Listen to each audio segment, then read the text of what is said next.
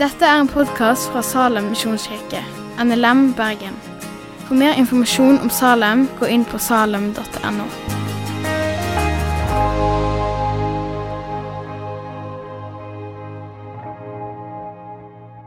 Før du får sette helt i gang, så tenker jeg vi bare tar oss og legger minuttene fra hverandre i Guds hender. Takk, Jesus, for Torleif, og takk, Jesus, for at han skal få lov til å forsyne ditt ord. Jeg ber Jesus om at du må gi han eh, det, ditt budskap og det du har tenkt å si, må du gi det til han, sånn at han kan formidle det på en sann og rett måte. Så ber Jesus for oss som hører på, at vi må ha våkne og åpne hjerter, sånn at vi kan eh, ta til oss ditt budskap i kveld, og ber om at vi må få lov til å se mer av deg eh, i kveld, Jesus. Amen. Amen. Vær så god. Takk. Velkommen. Eh, hyggelig å være her blant dere og eh, se en så ung og lovende forsamling. Eh, og hvis det er noen som er litt usikre på om de er på rett plass i kveld, så sier jeg velkommen spesielt til deg. Jeg skal strukturere meg litt da, med noen bilder her, sånn at jeg ikke havner helt ut på viddene. Og prøve å skifte med denne her. Det går kanskje bra. Da dere kom inn her i kveld, så gikk det en sånn sak som mange av dere har sett før. og Der sto det disse ordene her. Vinne, bevare, utruste, sende. Og det har vi jo en gang for lenge siden snakket om i Salm at dette er viktig for oss. Dette er noen sånne kjerneverdier. Og så må man jo av og til ta opp igjen da, og se hva betyr disse kjerneverdiene. Så i dag skal vi prøve å innholdsfylle litt eh, under bevare og utruste. Og da kan vi kalle det medvandring, vi kan kalle det mentoring, vi kan kalle det coaching, vi kan kalle det mange gode ting. Og dere vet jo at å være en disippel høres litt rart ut. Eh, dere vet at å være intern eller trainee høres veldig normalt ut. Så vi får bruke forskjellige ord på det. Men det som er litt interessant er at hvem begynte med coaching eller mentoring eller disippelgjøring? Det var ikke næringslivet, det var Jesus. Det var noen grekere som òg hadde konseptet litt oppe, men Jesus gjorde det systematisk. Og i det siste har det også blitt moderne i næringslivet. Så vi var der først. Vi skal snakke litt om det. Eh, vi skal ha noen eh, linjer som vi skal følge i dag. Og For å ikke gå oss vill igjen, så har dere oversikten her. Vi skal følge én livshistorie til en person. Vi skal følge en slektshistorie. Og vi skal bruke litt tid på en bibelhistorie om en stor personlighet i Bibelen. Så skal vi se om vi kan runde det i hop til slutt. Og så vil jeg dere skal ha ett spørsmål hengende i hodet. Jeg har bodd i mange land og jobbet mange steder, og eh, noen folk imponerer meg som litt mer foroverlent i betydning 'What's in this for me?' Hvis det jeg sier, er mindre interessant Bess, bess, sier somalierne. Nok. Ferdig. Men vær lent framover i dag. Er det noe i dette for meg? Er det noe jeg skal gripe? Kan jeg hente noe her? Vær så god. Da begynner vi med en livshistorie. Vi reiser til Sør-Europa, her er det Pyreneer, og jeg skal ikke snakke om prinsen i det slottet. Jeg skal snakke om en guttunge som vokste opp i fjellene her i en turistforeningshytte. Foreldrene hans drev en turistforeningshytte for fjellvandrere i Pyreneene eh, nord for Barcelona. De syntes det var viktig at hans unge skulle bli kjent med naturen, så de tok med sine barn på tur. Da han var tre år, hadde han vært på mange 2000-meterstopper. Da han var fire-fem år, så tok de han med ut i pysjamas sammen med storesøster. I mørket, barfot. Og sa nå skal du komme deg hjem alene, så skal du høre hvor trærne er, så du ikke går på dem, så skal du kjenne med føttene dine. Og sånn drev de på. Intensiv disippeltrening av en unge. Sånn at han skulle bli glad i naturen og flink å bevege seg i naturen. Da han var seks år, hadde han vært på disse toppene her.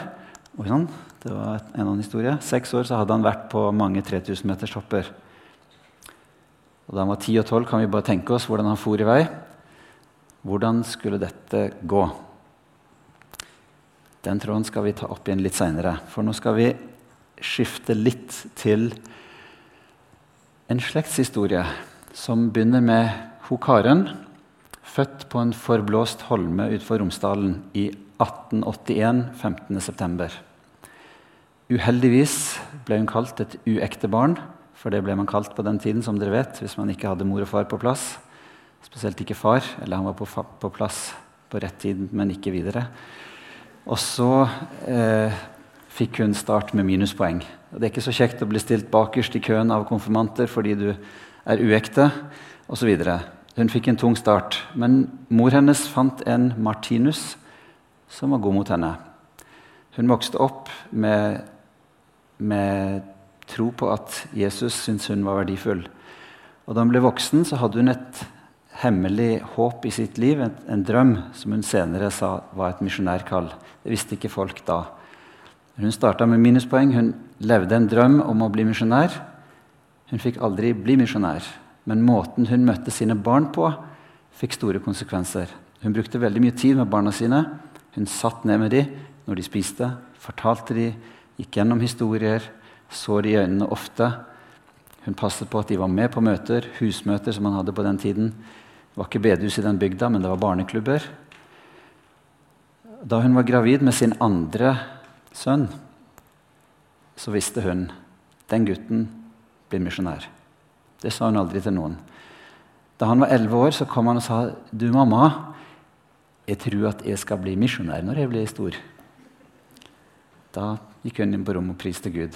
Det visste hun, det var ikke fra han, det var fra Gud. I 1948 reiste Magnar Magerøy, hennes sønn, ut som en av de første utsendingene fra NLM til Etiopia. Og var der i over 30 år som utsending. Eh, hun var også sånn mot sine barnebarn. En av de het Kari Hals og er min mor. Hun ble også misjonær.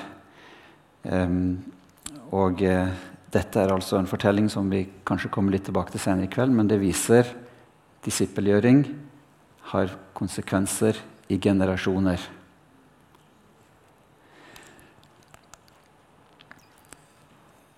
Tråd tre. Det blir mye. Klarer vi å holde, eller klarer vi å flette, eller blir det floke? Bibelhistorie. Det må være med litt bibel på en sånn kveld som dette. ikke sant? Eh, en ung mann som het Josef, senere also known as Barnabas, han reiste som mange andre framme jøder. Han bodde på Kypros, født og oppvokst der. Han var faktisk levitt av Levi stamme, altså en jøde og godt opplært. Kom til Jerusalem og ble overveldet av alt bråket som hadde vært rundt en viss eh, mann som hevdet han var Messias, og siden var blitt drept, og attpåtil påsto han var oppstått fra de døde, sa hans etterfølgere. Dette virket jo selvfølgelig som reneste blasfemi. Men så skjedde det dramatiske ting rundt pinsen mange kom til tro. Han kom til tro på at Jesus faktisk kanskje hadde stått opp likevel. Han ga det en sjanse. Han bestemte seg, og han gikk all in. What's in it for me, sa han. Han gikk all in. Han solgte jorda si. Han la pengene for disiplenes føtter. Det står ikke at han ga de pengene til de fattige. Han oppretta et fond og delte ut. Nei, han la de for disiplenes føtter. Han ga ansvaret til de. Han gikk inn som en lærling i flokken. Hva gjorde disiplene med han? De lærte han opp sånn som de akkurat hadde blitt opplært av Jesus. Jesus hadde jo tatt med sine disipler i alt. Fortalt de, forklart de, vist de, latt de gjøre, korrigert de, vært sammen med de over år. Nå gikk han inn i disippelskap under disiplene i flere år i Jerusalem. Um, etter hvert så skjønte man at Barnabas han var ingen hvem som helst. Han var en ung mann man måtte satse på. Ung, jeg vet ikke alderen. Hvem vet? 20, 30, 40? Um, men han, han, fikk et oppdrag fordi da Stefanus ble steinet, så husker dere at da ble det kaos, og folk ble skremt og flyktet og forsvant i hver sin retning. Les Stord, Førde, i den tiden man ikke hadde veier og broer og ferjer. Da var jo det ganske strabasiøst, men vi snakker noen få hundre kilometer. De skvatt av gårde i nord, øst og vest. Noen til Kypros, og noen til Libanon, og noen til Syria osv. Og, og de fortsatte å bable, som det står. La lein. De snakket om Jesus der de kom, for jøder, selvfølgelig. Så var det noen luringer som tenkte dette kan da ikke bare være for jøder. Så begynte de å fortelle for andre oppe i det som nå heter Syria, i Antiokia. Og det endte med at det brøt ut en stor hva skal vi kalle det, vekkelse, at mange kom til tro. Situasjonen kom litt ut av kontroll. Hva skjer der oppe? Det er ikke jøder som plutselig begynner å tro. Og da fant disiplene, altså sjefene, de som var opplært til å lede dette, her, de satt i Jerusalem og tenkte hva skjer? Vi må finne ut vi sender en, eh, vi må, Hvem skal vi sende? Vi, må, vi, tar en god mann. Vi sender uh, han uh, Josef oppover. Så I apostelgjerningene 11 kan vi lese om at han ble sendt ut, og da han kom opp til Antiokia, så oppdaget han at her beveget Guds ånd seg, mennesker kom til tro. Og han, han ble glad. Det står, Så han var en god mann. Hva med å glede seg når det skjer noe godt? Det er ikke en selvfølge. Um, så han fortsatte der å korrigere og rettlede og formane, og derfor fikk han navnet Formaningens sønn. Eh, men så er det det at når det skjer mye, så må man ha inn gode folk. Og eh, I Salem så venter vi på en pastor, men imens er det mange andre gode folk som trør fram. Man må ha gode folk der det skjer noe, og Barnabas skjønte her skjer det mer enn jeg når over. Og så tenkte han hm, hva gjør vi nå? Reiste han tilbake til Jerusalem? Nei, han tenkte på hvem kjenner jeg som har potensial til å gå inn i denne situasjonen. Og da kom han til å tenke på ja. Saulus, som alle var redd, som hadde drept kristne, kasta i fengsel, torturert med kaldt blod. Saulus har potensialet. Han reiste til byen Tarsus, der Saulus oppholdt seg. Oppsøkte han, søkte han opp. Han var ikke lett å finne. Han hadde gått eh, litt sånn eh, under radaren. Tok han med seg, førte han inn i arbeidet. De var sammen ett år i Antiokia. Så han Hva skal vi kalle det han gjør med Saulus, etter hvert Paulus? Hva skal vi kalle det da? Skal vi kalle det mentoring? Coaching? Paulus var intern? Noe sånt. Så da har de to sammen en, en tid som eh, eh, mester og svenn.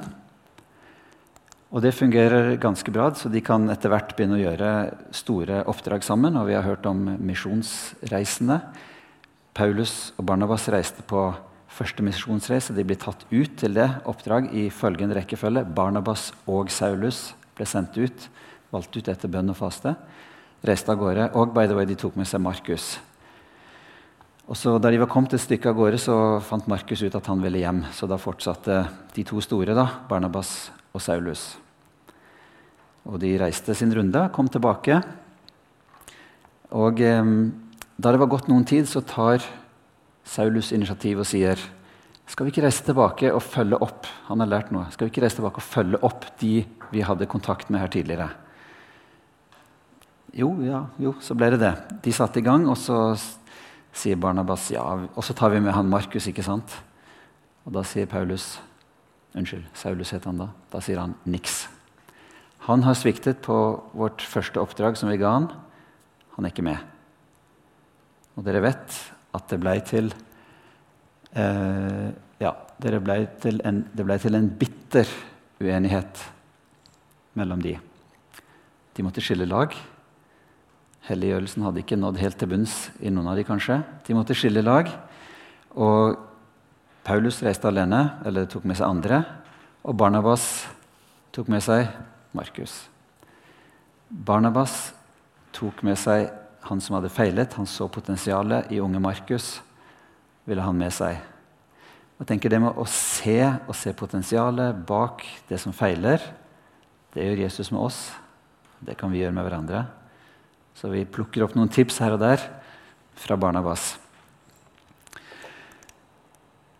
Så da de hadde fått ny tillit, så reiste Barnabas og Markus tilbake til Kypros. Vi husker uh, unge Josef kom jo fra Kypros, så han var tilbake på hjemlige tomter. Vi vet ikke mer hva som skjedde med han faktisk. Det er siste gang han uh, opptrer i Nytestamentet. Oldkirken har forskjellige historier. At han ble martyr Kypros, på Kypros, det vet vi ikke. Har dere lagt merke til hebreerbrevet? At vi har ikke helt styr på hvem som har skrevet det? Er det Paulus? Tja, Paulus bruker jo alltid innlede brevene sine på en måte, men ikke hebreerbrevet, så vi vet ikke. Så Barnabas sin historie Vi kan jo mm, lure på hvorfor han fikk navnet Barnabas. Bar det kan, har dere kanskje hørt om samme som Ben, Ben-Hur eller Bar. En av kommer av. Og Nebo det er det arameiske eller hebraiske ordet for profet. Så han var på en måte av profet, eller sønn av profet, eller ja, profetisk Det var det navnet han ga han. Men dette er jo et arameisk navn som ikke leserne skjønte når Lukas skulle skrive apostelens gjerninger. Så da legger han inn et forklarende tillegg. Ja, han Barnabas, som betyr formaningens sønn. Og Det ordet han bruker da for formaning, eh, det er Skal vi se Hvorfor går det bakover? Ja. Det er parakaleo, eller paraklet. Og Det er et ord som ofte brukes om Den hellige ånd. og det kan deles opp i para, som dere kjenner til, nær eller ved siden av, og kaleo, som er å rope på, kalle. Så å kalle nær eller rope inntil seg, få noe til å gå tett sammen. Hørte jeg medvandring? De kalte han nesten medvandrer, han gjorde ikke det? Han viser oss hvordan man skal få med seg folk i vekst. Skal vi se Ja. Så da kan vi si slutter historien da kanskje på Kypros. Kanskje han ble martyr der i sin egen hjemgård. Bakgård. Kanskje. Kanskje ikke. Vi vet ikke. Det er ikke så viktig, fordi jeg vil si et nei. Historien om Barnabas slutter ikke på Kypros. Markus, som han hadde investert i og satsa på, mot den store Paulus sin vilje, 20 år seinere skriver Paulus alene og mot slutten av sitt liv Få med deg Markus. Han er til nytte for meg i tjenesten. Og av de uomskårne så er det bare Markus og Justus som er blitt med til stor trøst. Så Paulus sier, 'Sorry, alle sammen, jeg tok feil.' Jeg avskrev Markus, som vi skulle satse på. Heldigvis satset Barnabas, oppmuntringens sønn, på han. Det er til stor glede og velsignelse for meg i dag. Ta han med hit. Så vi ser at prinsippet er vannfast, knallsterkt. Det virker gjennom nederlag, gjennom personlige tap og triumfer. Vi kan også ta med oss kanskje en sluttepistel fra Barnabas. fordi mange har kanskje ment at ja, er det Barnabas da som har skrevet hebreerbrevet? Det vet vi jo ikke, det blir en spekulasjon. Men det er mye i hebreerbrevet som er skrevet i Barnabas sin ånd, og kanskje med hans stemme. Hør på den setningen der. Hebreerne 10,24.: La oss gi akt på hverandre så vi oppgløder hverandre til kjærlighet og gode gjerninger. Gi akt på hverandre så vi oppgløder hverandre. Jeg tror det er Barnabas sitt ettermæle. I hvert fall kunne det vært det. Nå har vi fulgt en bibeltråd gjennom generasjonen fra tidlig unge Josef gjennom det ga, det ga, frukter i form av en Paulus og det ga frukter i form av en Markus, som har skrevet ned et evangelium som heter Markusevangeliet, som er en uendelig verdi for oss i dag. Resultat av Barnabas sin satsing på en ung mann som feilet. Kunne vært en kvinne, forresten. Og så er det en livshistorie som vi begynte på en ung gutt oppe i Pyreneene som ble intensivt satset på av sine foreldre for å bli en som beveget seg lett og elegant i naturen. Og hvor skulle det ende? Jeg kan ta en liten film fra noe han la ut i juli i fjor. Noen av dere vil vite hvem jeg snakker om. De som ikke vet det, vil snart skjønne at det ikke er hvem som helst. Ja, jeg tror vi kunne de av oss som ikke ble sjøsyke og kvalme, kunne sett på dette lenge sikkert. Men for meg viser det i hvilken ekstrem grad man kan trene og perfeksjonere et menneskes ferdigheter. Kilian Jornet løp over 23, alle 23 fjelltoppene i Horungane, som er over 2000 meter, på en dag. Inkludert å sykle fra bilen til starten på den andre siden. Så hvor langt kan vi komme hvis vi blir satset på? Hvordan kan du få noen til å komme hvis du satser på en annen person? Ja, men jeg er jo ikke Barnabas, eller, tenker vi. Vi kan jo ta en Jonas og reise andre veien. Eller vi kan ta en Moses og si jeg kan ikke gå til farao. Den går ikke. Eller is, is there something in it for me? Vi hadde en slektshistorie til som begynte på. Nå har vi nøstet to tråder til ned til NS. Det var den bibelhistorien som går fortsatt. For det er jo stadig etterkommere av den kjeden som Barnabas begynte. Og så har vi Kilian Jornet-historien som viser oss hvor trenbare du og jeg er. Og Det er den definisjonen Jesus har satt på oss. Vi er disipler, vi er lærlinger, vi er lærbare, utdannbare. Og så har vi min tippoldemor, som satset på sine barn, som hadde misjonærkall, som aldri fikk reise ut som misjonær, men som har sendt ut en fem, seks, syv stykker av sine etterkommere som misjonærer. Så kom utfordringen til meg en gang da jeg var på deres alder cirka, litt tidlig i 20-årene. Kanskje du skulle vært medvandrer for noen? Og da prøvde jeg meg på en Jonas- eller en Moses-løsning. Jeg har ikke så mye å bidra med og har ikke talenter på det. og feil person. Og... Men eh, spørsmålet hang der og kom igjen, og kanskje du skulle prøve. og Det trenger ikke være så avansert, og vi kan gjøre det litt enkelt osv. Og, så og så til slutt så måtte jeg krype til Ninive, jeg også. Så vi kan samle trådene. Vi er trenbare, viste Kilian oss. Det vi gjør, vil sette spor i generasjoner.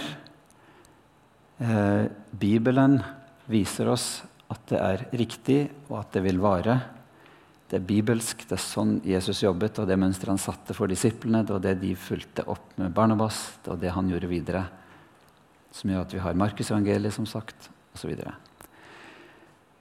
Ja, is there something in it? Skal du være medvandrer? Trenger du en medvandrer? Det kan vi tygge litt på. Og i tilfelle spør du kanskje hvordan. Noen av dere vet mye om dette. Og hvis det er noen som syns det høres litt nifst ut og det er helt umulig, og jeg, jeg, kan ikke med dette, så velkommen i selskapet. Men jeg skal ikke eh, begynne på en ny eh, 20 minutters nå om hvordan og hva. Eh, hvor lang tid har det gått, forresten? Men et minitriks Dere har hørt om de tre b-ene, har dere ikke det? En liten finte her. Fire b, det har vi hørt om, ja. Bibel, bønn, brødsbrytelse og brorsfellesskap. var det det? Ja. De tre b-ene Ingen har hørt om det? Ja, det er bra dere er ærlige, fordi det har aldri vært lansert før i dag. Um, det finnes også et nettsted som sier mer om dette, f.eks. medvandring.no. Der kan man lese side opp og side ned med gode tips og sunn bibelsk undervisning om hva er medvandring. Og siden dere nå først sitter her, og vi hadde noen minutter til, så kan jeg jo si at vi lanserer som en enkel huskeregel Bibel, bønn og backe ja, helt hjemmelagd og kanskje ubrukelig, men hvis dere husker det, så er det ikke så dumt. Fordi når man så møtes, hva skal vi gjøre da? Hva skal vi snakke om? Jeg tenker at Bibelen skal være med. Og det betyr ikke at nødvendigvis man skal lese Bibelen hele tiden, eller at man skal lage en mini-bibelstudiegruppe, men Bibelen er en viktig del å ha med.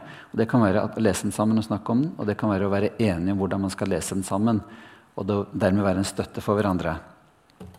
Jeg snakket litt om dette temaet fra denne talerstolen her i november i fjor. Og da fikk jeg besøk den dagen av en som jeg hadde vært medvandrer for da, den gangen jeg prøvde å stikke av da jeg var litt i 20-tallet, 20-årene. Og Jeg spurte han da før det møtet er det noe jeg skal si til dem. Hva betydde det for deg at vi var medvandrere for hverandre på den tiden? Og sa at noe av det viktigste var at det hjalp meg å være systematisk med Bibelen. Jeg hadde en som var interessert i mitt liv, mitt omgang med Bibelen. Det ble veldig viktig for min omgang med Bibelen. Så la Bibelen være en del av det. Bønn. Be med og for hverandre. Og det siste å backe hverandre. Jeg tenkte på be, skal vi ta bære hverandre? Bære hverandres byrder. Høres jo veldig bibelsk ut. Men det er ikke først og fremst et sjelesorgerforum. Men det er et støtte hverandre-forum. Hva skjer i ditt liv som jeg skal støtte deg på? Jeg ser noe i ditt liv som jeg tror du skal bli enda bedre på. Jeg ser en styrke som du skal bli bedre på. Hvordan kan vi støtte hverandre? Hvordan kan vi backe hverandre? Det kan være tre stikkord. Og så henger det tre spørsmål der som skal få henge der i to minutter. For nå skal jeg tie stille, og så kan dere ta fram notisboka. Og så kan dere eh, tenke litt hvordan har jeg blitt mentored in my life? Fordi det er jo en, et godt startpunkt for hva du kan ta med videre og bevisstgjøre. Hvem kan sette opp én, kanskje to personer som dere syns har vært et godt eksempel og gitt dere noe viktig? Hvordan, hva gjorde den personen? Hvordan møtte den personen meg som gjorde at jeg tok skritt nærmere Jesus, eller dypere? Hvordan vil jeg ta det videre? Tre ord. Dere har notisbok med dere, ikke sant? og så kan dere tenke to-tre minutter.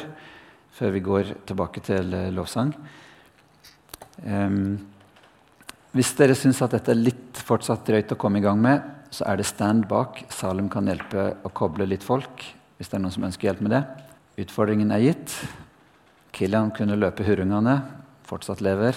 Og vi kan gjøre dette her, og vi vil fortsatt leve. Lykke til.